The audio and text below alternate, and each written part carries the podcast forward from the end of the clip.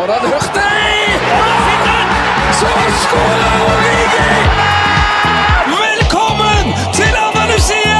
Gutten har blitt en mann! Det blir for mye rør! Det er bullshit. Det er goal! Det er goal igjen! Der var reprisen, sorry. Da er det hens. Hens, hens, hens. Alt er hens. Guro Reite! Hallo, kjære lyttere. TV 2 sin VM-podkast. I dag er det faktisk gleden av å ha med meg to gjester. Det er min eh, gode kollega Anne Sture, som jeg nettopp har vært i studio med. Vi sitter nå og spiller inn på MCB i Bergen. Vi er ferdig med full kamp, tilleggstid, ekstraomganger, straffekonk. Vi skal snakke litt om det, og så får jeg med meg eh, fotballprofessoren og Lillestrøm-trener Petter Myhre fra Doha for å snakke litt eh, videre om kampene som har vært. Eh, Det kommer en Brasil-kamp etterpå som vi skal snakke om, og så selvfølgelig avslutter vi med å se fram til kampen i morgen. Men Anne, nå har vi vært vitne til VMs første straffekonk. Hva Det var noen elendige straffer der. Det var overraskende, rett og slett. Altså, du satt jo hele tida og sa dette blir straffekonk, Kroatia vinner straffekonken. Du var helt overbevist, men jeg trodde ikke at din spådom skulle bli så krystallklar. For altså eh, Fra første straffe, Minamino her, eh, og ut, så eh, Altså, den var jo veldig, veldig svak. Eh, eh, men jeg skjønner nesten ikke hva som skjedde. Det var en ekstremt svak eh, straffekonk av, eh, av Japan. Og, altså, de var jo, hadde jo allerede overprestert på en måte i mesterskapet. De alle, Det burde bare være som bonus. ja, altså, det, jeg klarer liksom ikke helt å se for meg Det er klart at første kvartfinale i historien som de hadde mulighet til å ta, sånn at det er stort, men likevel at de har liksom gjort det umulige. De har slått ut Spania, har, eller slått Spania, de har slått Tyskland, de har gått videre fra dødens gruppe. Skulle tro liksom at de var der at nå har vi alt å vinne, men Men ble det for stort? Jeg skjønner nesten ikke helt hva som eh, skjedde, men det er klart at når du åpner med en så dårlig straffe Du så jo at de, de mista liksom trua på det, og så keeperen til Kroatia eh, blir jo bare større og større, selvfølgelig. For at eh, jeg har tenkt på én ting, og det er liksom Se for deg som fotballspiller. Du har, det er VM hvert fjerde år, og spesielt for de landene som ligger utenfor Europa. Jeg tenker Hvis du spiller i Europa, så har du et EM som nesten er like stort, selv om VM selvfølgelig er størst. Eh, Du jobber, du trener, du sliter, du klarer å komme deg med i tropp, du klarer å komme deg på laget. Hele nasjonen bak deg, så mye på spill. Men tror du at Og så, ser du gang på gang hvor avgjørende straffekonker blir. Tror du at de eh, trener så mye som de burde på straffer, når du ser hvor viktig det er? Jeg tror i hvert fall at de trener enormt mye mer på det. Det ser man jo også. Eh, Det forskes jo vanvittig mye på. Vi har jo nerda- litt på straffekonk eh, nå rett og slett inn, fordi vi tenkte at det kommer sikkert i dag, og det er jo interessant å se all forskningen som er, og hvor mye mer man jobber med det enn man gjorde når det var liksom sånn Oi, straffekonk, da får vi bare lukke øya, skyte og hoppe på det beste. Nå er det jo, et, nå er det jo virkelig et fag. Ja, men av den forskningen som Eller de, det er jo både artikler og faktisk en av Eller verdens aller fremste forsker på straffekonk er jo Geir Jorde fra Norge. Eh, som, eh, som har forsket på straffer i alle former og utgaver.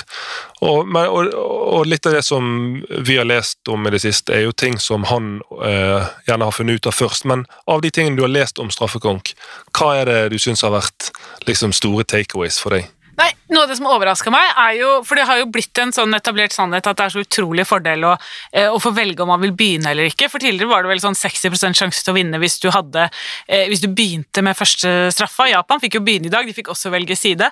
Men eh, Geir Jorde har vel eh, et, et, etter at det liksom har festa seg, kommet og sagt at nei, nei, det er, ikke, det er mye mer 50-50, at det er 50,8 eller noe sånt, eh, sjanse for å vinne hvis du åpner straffekonken, og da begynner det å bli helt tilfeldig med det utvalget man har av straffekonker i fotballverdenen, så det syns jeg er interessant. Eh, og så er det sånne småting som eksempel at eh, man en spiller har mye større, eller i hvert fall signifikant større sjanse til å, å treffe på straffesparket før han mottar en så stor individuell pris. altså, Så, som Ballon d'Or, for eksempel. typisk eh, sånne ting. Altså, eh, og det er jo ikke så mange som gjør, men altså det å, å at man ser at det å være de store stjernene, og det er kanskje også sånn som mange har et inntrykk av at stemmer, eh, at man, man tenker at ja, men eh, det er så ofte at de store brenner, og det, det, det, det viser jo også tallet at de aller største stjernene kanskje ikke er eh, de som er sikrest. Ja, for det, det som fører til stress og det med straffer, er jo forventninger. Og de største stjernene har jo de største forventningene knyttet til seg. Så det er vel gjerne derfor du, Mine tanker går Vet du hvor de går? Eh, Mbappé? Nei? Nei, nei, nei. Lenger tilbake enn så. så. Nei, nå er jeg ikke, aner ikke hva du tenker på. Roberto Baggio, Ja, 94. Å, herlighet, ja. Det er liksom eh, Men det der at de største stjernene de bærer den tyngste børen, de kjenner, kjenner mest på det. Det er vel noe statistikk på at straffer eh, du skårer, eller I snitt så skåres det på straffer noen av 70% men at de største stjernene ligger lavere enn det. Ja, I dag så var jo eh, Modric for eksempel, han var jo tatt av lenge før straffekonk. Det tror jeg ikke var eh, av taktiske årsaker for man ikke ville ha han i straffekonk, for han tror jeg bare var utrolig sliten. Men eh, Kovacic, Peresic, de var jo av alle sammen før, eh, før straffekonken kom. Men jeg tror nesten at du må, du må nesten på et høyere stjernenivå også. Altså Modric er der kanskje, men du må liksom på de helt sånne som bærer eh, Ja. nasjonen. Ja, en, en spiller i VM jeg kan se for meg bomme på straffe, det er sånn for Sør-Korea. Han er liksom, han har gudestatus der, og er liksom Det er så langt fra han til neste eh, mann i troppen. Jeg har jo sett Lewandowski bomme. Eh, ikke bare én, men to. Han fikk riktignok ta den andre om igjen, men, men du ser jo hva eh, Han så ikke, han så ikke avslappa ut i de situasjonene, akkurat. Nei, Han er i utgangspunktet en straffespesialist. Og så synes Jeg altså jeg er jo veldig opptatt av psykologi. Synes det er veldig, altså Alt dette er psykologi, men syns det er veldig interessant også å se før straffekonken, når de samles i ring. Eh, folk velger forskjell, Lag velger forskjellige strategier. Noen ser det litt sånn tilfeldig ut. Jeg husker Southgate, EM, England eh, i, i fjor, der det var sånn forvirring. Skulle du ta nummer tre eller fire?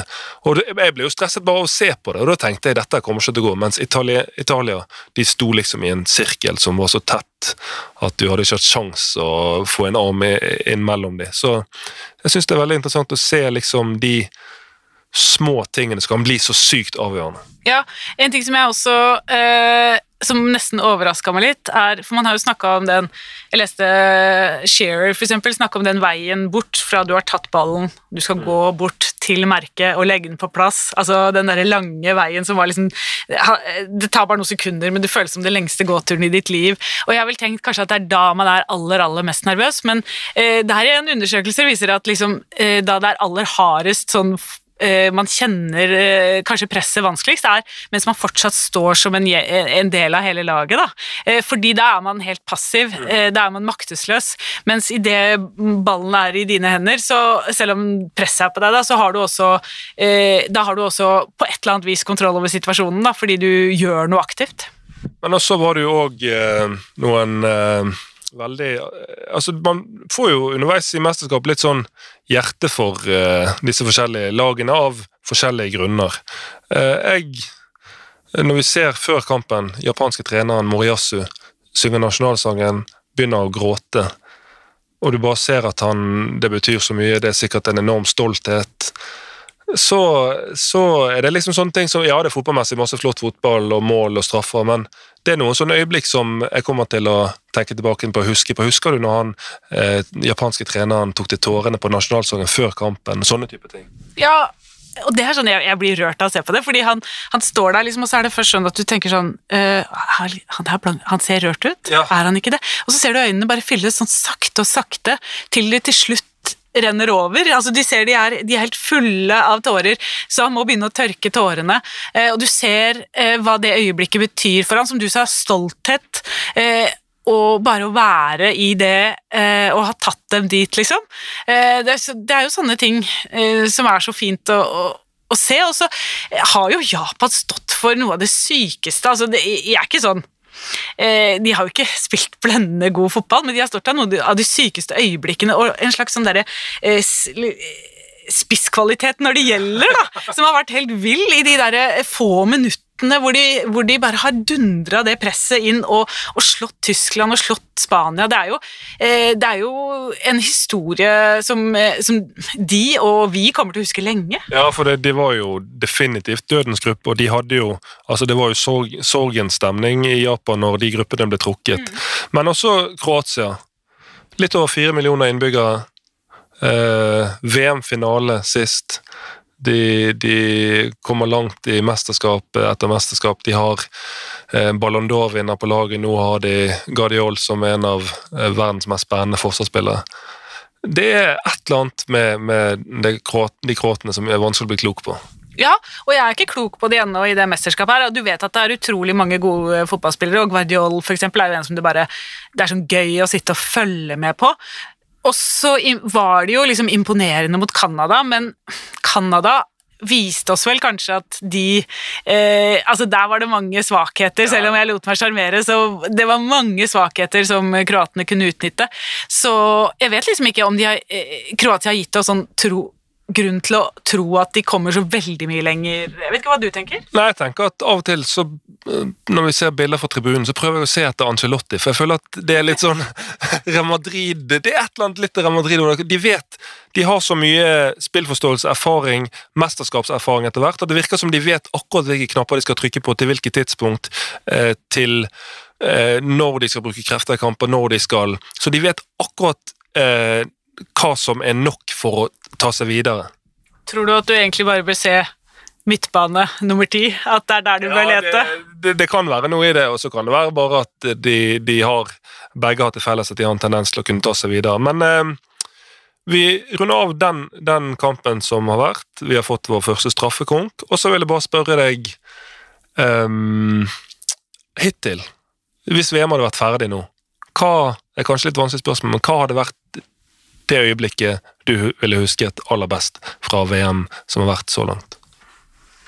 Jeg tror det er eh, kanskje fordi jeg jobber med spansk fotball til daglig og ekstremt eh, ser ekstremt mye spansk fotball, leser veldig mye der, så tror jeg kanskje det øyeblikket eh, som eh, står for meg som sånn mest sykeste øyeblikket, var det øyeblikket hvor man fikk beskjed akkurat nå er Spania og Tyskland ute av Ja, hva var det? Åtte-ti minutter? Åtte minutter? Det var kortere enn det. Ja. Fire-fem minutter. Der hele fotballverdenen sto på hodet, føltes det om sånn. Ja, så jeg tror det, jeg tror kanskje det er det liksom, jeg husker best hvor bare sånn, ja, Japan, Costa Rica ligger an til å gå videre. Spania, Tyskland. Da føltes det bare sånn Dette VM-et her, så kan alt skje, liksom. Men også får man litt hjerte for underdogs, eh, spesielt i gruppespillet. Men nå i åttendedelsfinalene så langt Nå får vi se Brasil-Sør-Korea om noen timer, men det føles jo som at det er litt sånn tilbake igjen til reality.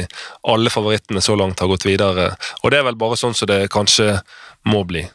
Ja, fordi det var jo snakk om lenge at uh, man fikk med flere, og det så vi jo inn i åttedelsfinalene, at det det var litt færre europeiske lag for eksempel enn uh, enn i forrige VM, da var det vel ti, og nå åtte, mens nå så blir man vel sittende igjen med de europeiske favorittene og de søramerikanske favorittene, men altså, eh, fordi hvis man skal snakke om øyeblikk sånn på banen, så er det jo Messi, Mbappé, eh, Richarlison, altså det er jo de som er igjen, som har gitt de virkelig store, eh, så jeg gleder meg jo over at uh, forhåndsfavoritten er med. Ja.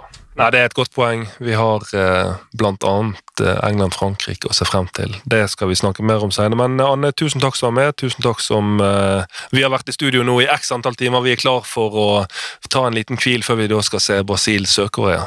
Nå er vi like slitne som Modric. Like sliten som Vi har snakket mye om at Modric ser ikke ut som han er 37. I dag så så han ut som han var 37 etter hvert. På slutten, i hvert På fall. slutten i hvert fall.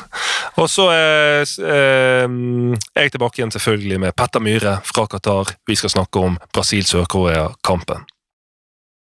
Da har jeg med meg Petter Myhre fra Doha, Qatar.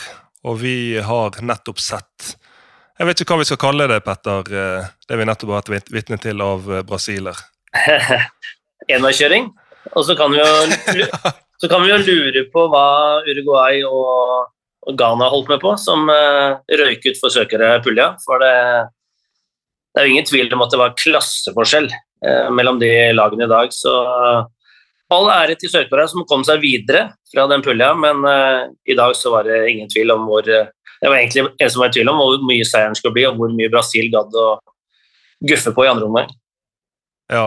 Hvordan eh, hva, Altså sånn Det er mange som tegner store bilder om Neymar og Brasil og de klassiske gule trøyene og er veldig romantiske, men du er jo en fagmann. Hva er det fotballfaglig som imponerer deg med dette Brasil-laget? balansen i laget. Eh, Brasil fra når jeg vokste opp, det var noe eksotisk. Det var eh, offensive spillere. Den dårligste spilleren ble plassert i mål, for å, å overdrive litt. Så, og, og, og, det var om å gjøre å underholde eh, i vel så stor grad som å vinne fotballkamper. Så det har de eh, jo skjønt, at det, det kreves begge deler. Eh, og der syns jeg dette brasilianske laget er eh, det beste vi har sett i VM så langt. De har en solid defensiv, eh, veldig gode keepere uansett hvem som står der. Eh, I tillegg til det artisteriet de har offensivt. Også I tillegg til at de er artister offensivt, så jobber de hardt. Eh, med unntak kanskje Neymar, som har litt wildcard til hva han skal gjøre defensivt, så jobber de andre der knallhardt. Så det, de forsvarer seg som et lag, de angriper som et lag og har en veldig god balanse i laget sitt. Men alle har jo sine personlige favoritter. Hvem er det på dette Brasil-laget som treffer ditt eh, fotballhjerte mest? Det er et godt spørsmål. Eh, jeg har alltid vært svak for artister, jeg, da, de som har det lille ekstra. Eh, så kan jeg selvfølgelig spare meg for all filminga og det faktene til Neymar utenfor Eller i tillegg til det han driver med, eh, med ball. Men eh, jeg er svak for sånne. Jeg syns Richarlison har vært eh, ekstremt god. Ja, han har jo nesten tatt den største artistrollen. Ja, og det var jo en stor debatt i forkant om ok, han kommer med, men ikke Firmino f.eks. i, i mm, Liverpool mm. og sånne ting. Men uh, igjen da, så ser vi at det er treneren som kan mest. Da. Uh, og treneren som kan best og vet best. uh, så det er kanskje greit å få, få, få på plass det at vi, vi som er utenfor, da, vi sitter på veldig lite informasjon om hva som egentlig foregår. Eh, og at han er tatt ut, det ser vi nå at det var eh, veldig, veldig riktig. Hvis jeg kan spørre om et spørsmål som eh, de fleste syns ikke er så kjekt å bli spurt om etter fylte 40. Men hvor, hvor gammel er du nå? 50. 50. Mm. Og eh, du har jo sett noen Brasil-utgaver opp gjennom årene. Mm. Hvordan, eh, Ut ifra det vi har sett av Brasil så langt, hvordan måler du de opp mot de historiske Brasil-utgavene? Jeg Sammenligna med det de møter, da, så vil jeg jo si at de er blant de beste eh, årgangene. Eh, for mm. meg så var det jo sånn at eh, Første VM jeg husker, var 78 i Argentina. Uh, men da var jeg bare seks år, så liksom det er, det, jeg tror kanskje mye av det jeg husker, er ting jeg har sett i ettertid òg, som har forsterka de minnene. Men uh, 82 uh, VM så hadde Brasil for meg i min levetid det beste laget de har hatt noen gang. Mm. Eh, det var Zico, det var Eder, eh, det var Sokrates, det var de, de store stjernene. men de røyk jo ut jeg husker jeg gråt mine bitre tårer når de ble slått ut, men det var på en måte første gangen jeg forelska meg i et fotballag. Det var den 82-generasjonen. Uh, Zico har alltid vært min favorittspiller. Uh, men jeg hva var, hva, var det, hva var, det, med han som gjorde at han, at han traff deg sånn? Ja, for det første så var han framsto som en jordnær fyr som bare elska å spille fotball. Eh, ekstremt god frisparkskytter.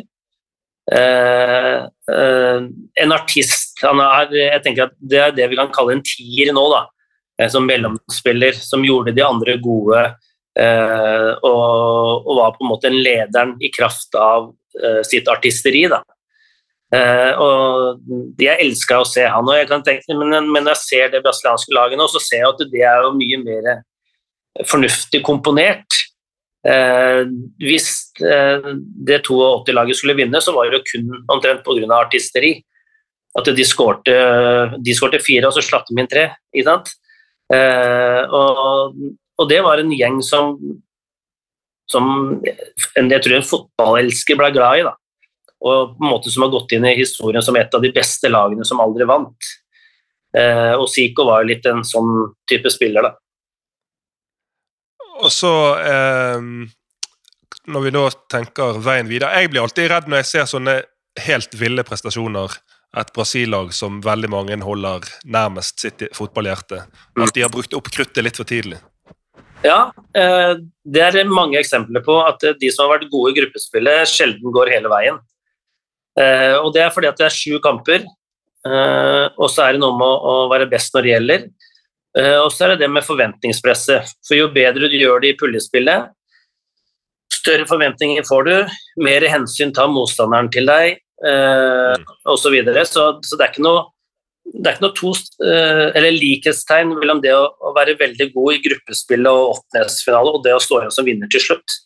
Eh, jeg syns det har blitt mer og mer av det. At det laget som går hele veien, er det bunnsolide, kontrollerende laget. Jeg husker Frankrike i forrige VM.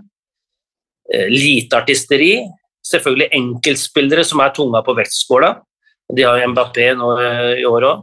Eh, men en soliditet. Det var aldri sånn at du, du, satt ytterst på stolen og så på de kampene, for det var helt fantastisk å se på. Eh, det er blitt færre og færre av de lagene som går hele veien. Da. Det krever så mye. Og så er det tilfeldigheter. Jeg kommenterte jo Japan før i dag. Eh, de gikk jo videre etter å ha slått Spania og, og Tyskland. Hadde hun spilt de kampene om igjen ti ganger, så hadde hun sannsynligvis ikke vunnet noen av de. Fordi, de, fordi de, de, hadde de marginene med seg. Og sånn er det da. Brasil kan ha stang ut i én kamp. Om det er i kvartfinalen, om det er i semifinalen eller finalen, så, så, vinner de ikke mesterskapet. Og, og, så tett og jevnt er de i toppen da, av, uh, av, et VM. Og Det er jo det jeg føler. Sånn, det er mange som i gruppespillet, selv om vi har fått noen ekstreme resultater og noen veldig underholdende kamper, så har vi fått òg en god del jevne, tette, lite mål. Mm. Men eh, både gruppespill og spesielt kanskje nå i sluttspill, det er jo ekstremt mye å tape. Altså I ligaspill for klubblag så kommer det alltid en ny kamp, og du kan rette på ting. Men her mm. kan du gjøre én feil, og så er det game over. Ja, og det er derfor det er så vanskelig å, å tippe hvem som står igjen til slutt. da. Selv om her, i, i motsetning til Champions League, da. hvis du sier Champions League, mm. får ofte spørsmål i gruppespillet ok, hvem er som kommer til å vinne Champions League. Ja, men Det er et halvt år til det skal avgjøres. Det kan bli skader, det kan bli formsvikt, det kan bli salg, det kan bli karantene. Liksom, det vet du ikke. Eh, I et VM som går såpass tett, der har du en feeling at ok, de lagene som du ser er bra nå, et av de går hele veien. Det er ikke sånn at noen som har sett helt fryktelig ut i fire kamper, ender opp som vinneren til slutt. Så jeg syns at Brasil eh, har eh, favoritt, eh, sett så bra ut at de er favoritten til å vinne VM nå. Men så vet du at ok, si at det, både de og Argentina gjør jobben sin, og så skal de møtes i en semifinale. Det blir en helt vill fotballkamp som på en måte Du starter nesten med blanke ark. da. Og presset er der, og hvem vil takle dette her osv. Det, det er umulig å spå sånne ting. Men, men at det, det, de har vist så langt, har vært det beste laget, det syns i hvert fall jeg. Men vi er jo eh, Ja, det har vært noen overraskelser i gruppespillet. Tyskland er røket ut. Men nå i åttendedelsfinalen så har jo det bare vært favoritt på favoritt på favoritt som går videre. Ja. Og vi, det koker jo seg etter hvert ned til noen sånne helt um, umenneskelige bataljer. Ja. Eh, Frankrike-England kan nevnes. Kanskje i en semi Argentina-Brasil. Det hadde jo vært noe av det aller, aller sykeste jeg har vært vitne til. Ja. Så, eh, men, men eh, hvis vi ser litt Du har jo vært med å dekke VM nå. Du er kommet deg ned til Qatar. Sett stort sett det meste av kampene. Og i tillegg så er jo du trener. Mm. Du, du Etter VM. Dette er jo dine siste din siste jobbing i TV 2. Du skal være heltid i Lillestrøm. Men da lurer jeg på hvis vi, Nå har vi snakket litt om Neymar og Argentina, Messi og ja da, disse store stjernene. Men hvis vi på en måte tar og ser bort ifra de største stjernene, hvem er det litt sånn eh, skjulte diamanter, eller spillere som du ikke var så bevisste på før VM, men som du har sett nå, som du aller helst ville hatt i den gule Lillestrøm-drakten? det, det, er ganske mange. Det er ganske mange jeg kan tenke meg der. Eh, men det, men det, Jeg sendte en melding til eh, Geir Bakke her eh, bare for noen minutter siden. Jeg sa at vi har snakka om at vi må ha kvikke spillere, hurtige spillere, mobile spillere. Det krever så enormt mye fysisk nå at hvis du mangler fart, eller hvis du mangler stamina eller kvikkhet ut og inn av situasjoner, så, så har du ikke sjans lenger. Og norsk fotball også har blitt så bra at du kommer ingen vei. Du kan kompensere lite grann, men på sikt nå så blir de innhenta. Så jeg sa til han til Ja, nå snakker, snakker du til meg nå, eller? Jeg føler Ja. meg, jeg føler meg angrepet og truffet. Ja, ikke sant? Og det var en at du la opp, var ikke? Du skjønte det sjøl. Det, det kalles selvinnsikt. eh, Ja. Men det er jo altså, jeg, jeg, kjenner, jeg følte jo det på kroppen, at akkurat det du sier der. Eh, uansett om man trener hardt, men det der med uh, Altså, veien er lang hvis du ikke har fart. Ja. I norsk fotball og europeisk fotball, ikke minst på VM-nivå nå. Ja, og det, og det ser jo Ta Japan, da, eh, som har gjort et veldig bra VM. Prata jo med Bakenga her, han var jo i VM-studio sammen med oss. Og han sier at de individuelle ferdighetene, eh, kvikkheten eh, og sånn som de har, er bedre enn i Norge. Eh, men taktiske forståelsen, eh, hvor godt de er organisert osv., det, det er svakere. Eh, og det er det litt bildet jeg eh, ser med nå, men samtidig så ser jeg at de, alle lagene som deltar i VM nå, de er godt organisert. Eh, de ser ut som noen fotballag, men jeg ser at det er de som på en måte blir tungen på vektskåla, de som gjør det bra, de som ut, utmerker seg her, det er kvikke spillere. Og det har, på en måte, det har vi egentlig snakka om i ti år i Norge òg. At vi må utdanne spillere som er gode én mot én, både offensivt og defensivt. Du må klare deg alene eh, som forsvarer, du må klare deg alene som angriper. Eh, og da må du ha den kvikkheten da, i forflytningene dine. Og du må orke å gjøre det i 90 minutter etter 90 minutter etter 90 minutter. Eh, Det er eh, tøff matching. og klart skal du nå noen vei som fotballspiller nå, om det er i Norge eller utlandet, så må du ha det. Hvis ikke så har du ikke kjangs. Så det var bare en bekreftelse på det vi har snakka om i mange år.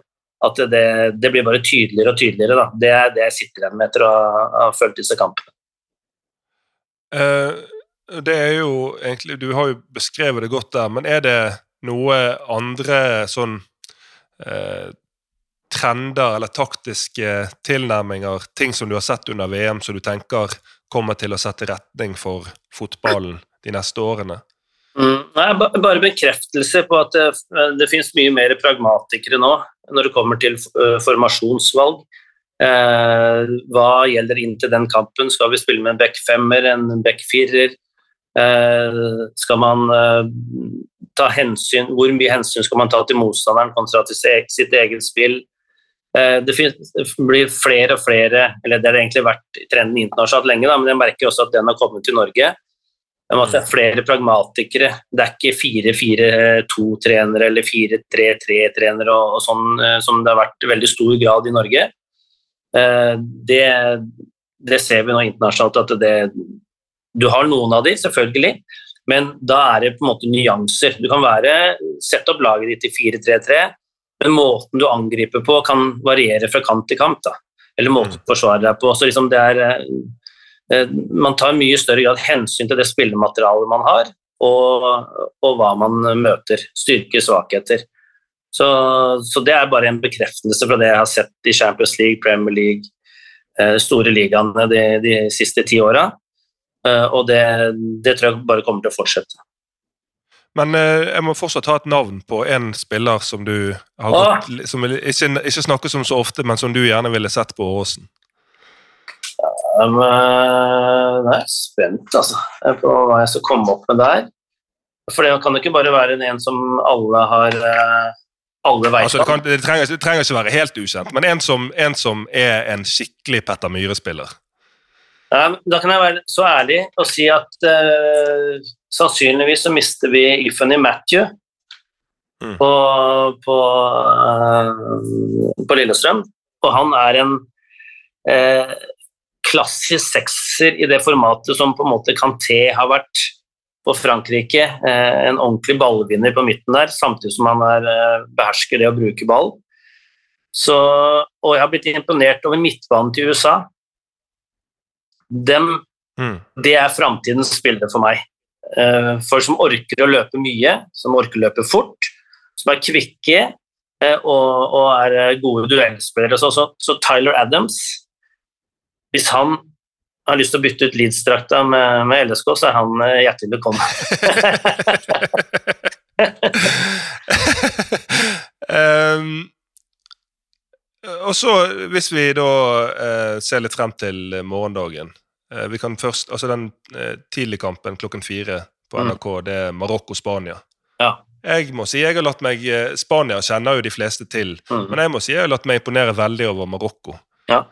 Og når vi snakker om sekser, så er jo han Amrabat, som eh, jeg har snakket om her, med Kamal Saliti i går ja. en, en, Det er kanskje en spiller som ligger mitt, nærme, mitt hjerte veldig nært. Ja, og, og det, det, det, det, også, har vi snakka mye om her nede, at eh, i gamle dager, da ikke sant? Nå høres jeg veldig gammel ut, men, det, men går det en tre, fire, fem mesterskap tilbake, da, eh, så var det sånn Ok, Honduras var med, og så ja, da var det noen Halvparten av laget hadde jobb ved siden av. eh, ikke sant? Og så var det sånn at du kunne si at eh, ok, det, det var ganske tydelig å se at det, det var et afrikansk lag som var i ilden, eller det var et europeisk lag, eller det var et Mm. søramerikansk lag. Det var liksom uh, veldig tydelig kjennetegn på hvilket kontinent de ulike lagene kom fra. Eh, den føler jeg at det er vaska ut i stor grad. Nå føler jeg at det, det, alle spiller det vi ofte kaller europeisk i mye større grad. Og det har jo selvfølgelig med at de beste spillerne i nesten samtlige nasjoner som er her nede, det er vel kanskje Saudi-Arabia, Qatar, som stort sett har hjemme. Ja, det er, det er jo noen og 70% av alle spillerne VM spiller i Europa. Ja, og trenere på kryss og tvers av kontinenter eh, har gjort at eh, fotballen har blitt mer lik. Eh, og nå er det vel europeiske lag som har vunnet de siste RFM-mesterskapene, eller, Ja, det er jo eh, Brasil 2002 er forrige Ja. gang et lag utenfor? Europa. Ja. Eh, og det setter jo trenden. Eh, og klart De lagene fra de andre kontinentene de, de ser jo dette her.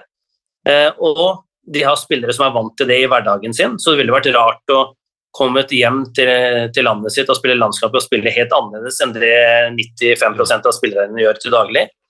Eh, og alle har eh, teknologien nå? Eh, tilgang til alt som er av, eh, av stats og alt mulig. Så fotballen blir likere og likere. da. Så nå, alle lagene som er eh, i dette VM-et her, er godt organisert. Vanskelig å bryte ned. Du ser at det er, det er profesjonelle fotballspillere, profesjonelle trenere, støtteapparat hele veien. Og det får jo meg til å tenke sånn eh, Fotballen blir på en måte mer demokratisk, eller man kan jo nesten ta en trenerutdanning som man var nødt til å eh, komme inn i varmen hos en av de europeiske storklubbene for 20-30 år siden, kan man nesten ta på nettet Ja. nå. Ja. Så hvis, hvis eh, hva skal du si, god, gode taktiske prinsipper, opplæring, kan bli spredt utover hele verden, så vil jo bare se fotballen ta kvantesprang. Hvis et, vi så Japan i dag med 125 millioner innbyggere. Hvis de Mm. begynner å få inn gode Ja. taktiske prinsipper, og sånn, så skal det bli tøft å være I hvert fall å være Norge i et VM. Ja, ja, ja, det skal det jo, men nå har vi tilgang til dette her, vi òg, da. Så vi må jo, bare, eh, må jo bare ta etter det som ser internasjonalt, og ikke tro at vi har funnet opp eh, kruttet i Norge. For når det gjelder fotball, så, så er vi en ganske ung nasjon. eh, når det gjelder profesjonell fotball i Norge òg. Så, så vi har jo en vei å gå der, men jeg føler at norsk fotball er på rett vei. Og så får vi Ja, inderlig håpe at, eh, at det vil komme med et, eh, et EM. Men uh, morgendagen, nå prater vi oss litt bort, men uh, Marokko absolutt gjort det, gjort det bra. Hva er feelingene for den kampen? Spania er favoritter, men, men Ja, ja. Jeg, jeg, jeg er litt usikker på Spania, og, og spesielt defensivt. Jeg, er usikker på om de klarer å, å stå imot, da, rett og slett, Mm. når, når, det, når det hagler litt rundt øra deres der. Så, så jeg er ikke overbevist om at Spania vinner i morgen, selv om de er eh, favoritter. Jeg har ikke Spania som eh, før mesterskapet, og heller ikke det jeg har sett, så har jeg ikke dem som de tre-fire største favorittene. Det har jeg ikke. Og du skal kommentere eh, Portugal-Sveits. Ja. Ehm, hvis vi begynner med Nå ryktes det Ronaldo til Saudi-Arabia, dette, men eh, treneren går ut og sier han, han er mitt inntrykk at han er en ganske sånn nedpå Mm. eh, rolig kar, han treneren til Portugal, eh, Santos. Men når han da går ut og sier at han var veldig misfornøyd med måten eh, Ronaldo håndterte å bli byttet ut hvordan, Du som er trener, du kjenner til eh, mekanismene i garderoben, i stemning i tropp. Hvordan ville du håndtert, hvis du var Portugal-trener, håndtert eh, denne nummer syv? Det er, det er vans vanskelig når du ikke veit all informasjonen eh, og baserer seg på rykter, men eh, hvis du snakker om prinsipper, så vil alltid laget gå foran enkeltspillere. Det er i hvert fall min ledelsesfilosofi. Og, og da må du ta noen fighter noen ganger som kanskje gjør laget dårligere på kort sikt, eh, for at du skal vinne i lengden. For uh, hvis du inngår kompromisser med en gang det gjelder noen av de beste spillerne dine, mens du er veldig standhaftig og tøff når du er uh, Medelsvensson eller de svakeste spillerne, så blir du avslørt. Da mister du en respekt i en, i en spillergruppe. Uh, så der har alltid jeg vært bastant på at har vi blitt enige om noen leveregler, har vi blitt enige om hvordan vi, vi oss, så gjelder det for alle, uavhengig av hvor flink du er til å spille fotball. For vi, vi er en enhet, og det er den enheten som til slutt står igjen som en vinner. Da. Og det er den som gjør at du eventuelt eh, går hele veien. Men ville du brukt den? Nei, Jeg veit jo ikke hva som har skjedd eller ikke skjedd. og sånn der, men Nei, nå, nå, nå, tenkte vi si, si, si, hvis vi ser bort fra det, alt det som har skjedd rundt, men rent fotballfaglig ut ifra eh, de spillerne de har tilgjengelig og ja. Eh, han er fortsatt en enorm målskårer. Uh, og så er settinga for meg er egentlig hvordan respondere resten av spillergruppa på å ha han på banen eller ikke. Det er det, det jeg ville tenkt på. Hvis, hvis, de, hvis, han har en god standing blant de andre spillerne, og de tenker at uh, han er nyttig for oss, uh, da ville han nok ha brukt, med, brukt, han, med mindre han har brutt med noen regler som vi har blitt enige om at dette er totalt uakseptabelt. Eh, mens, eh, mens, hvis han har eh, en dårlig standing i gruppa, så vil jo ting være litt annerledes. Og Det er litt sånn fingerspitzgefühlen du må ha som manager da, og leder. Det er mange mange fotballtrenere som har peiling på fotball, men hvis du ikke er en god leder, så, så blir du spist opp. Så, det, så, lederskap er helt avgjørende hvis du skal uh, lykkes som trener, mener jeg. da. Og helt avslutningsvis, Hvordan tror du Sveits Hva kan de få til mot Portugal? Hva helt syns du om det du har sett av de? Nei, jeg tror det kan bli en helt jevn match. Det er en erfaren gjeng som har vært med i, mesterskap etter mesterskap. Eh, masse erfaring eh, internasjonalt, så de, eh, de kan absolutt skape trøbbel for, for Portugal. Så jeg tror en jevn match. Og da eh, er det aller siste punktet på menyen her. Det er eh, som alltid så har jo vi eh, inne på tv2.no slash VMs beste en sånn eh, duell. Og i dag er det første semifinale mellom de, blant de historiske spillerne. Og det er eh, Pelé. Våre tanker går ut til han. Han eh, er vel på sykehus. Mot Ronaldo, fenomenet. Hvem er din favoritt? Det er jo Ronaldo-fenomenet som jeg har sett klart mest. Eh, samtidig så har jeg vokst opp med Pelé som en guru, da. som en gud, på en måte som, som, uh, som Hvor jeg har sett stort sett bare klipp, jeg har aldri sett hele kampen ham, men uh, alt er blitt fortalt av uh, fattern og min bror osv. at de, Pelé var liksom den største, og er den største, så det blir vanskelig for meg å komme utenom han. Nei, men da, da, gir vi han den eh, seieren i den semifinalen. Sender han våre varme tanker. Og så må jeg bare si tusen takk som var med, eh, Petter. Alltid veldig hyggelig å prate fag med deg. Og så selvfølgelig, vi er lei oss for at vi mister deg i TV 2, men vi gleder oss til å følge deg fra sidelinjen på Åråsen til neste år. Vi ses på sidelinjen. Vi gjør det. Ha det godt. Så skåler Origi!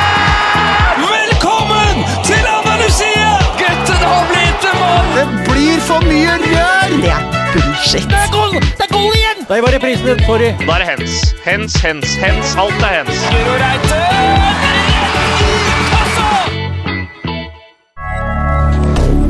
Moderne media.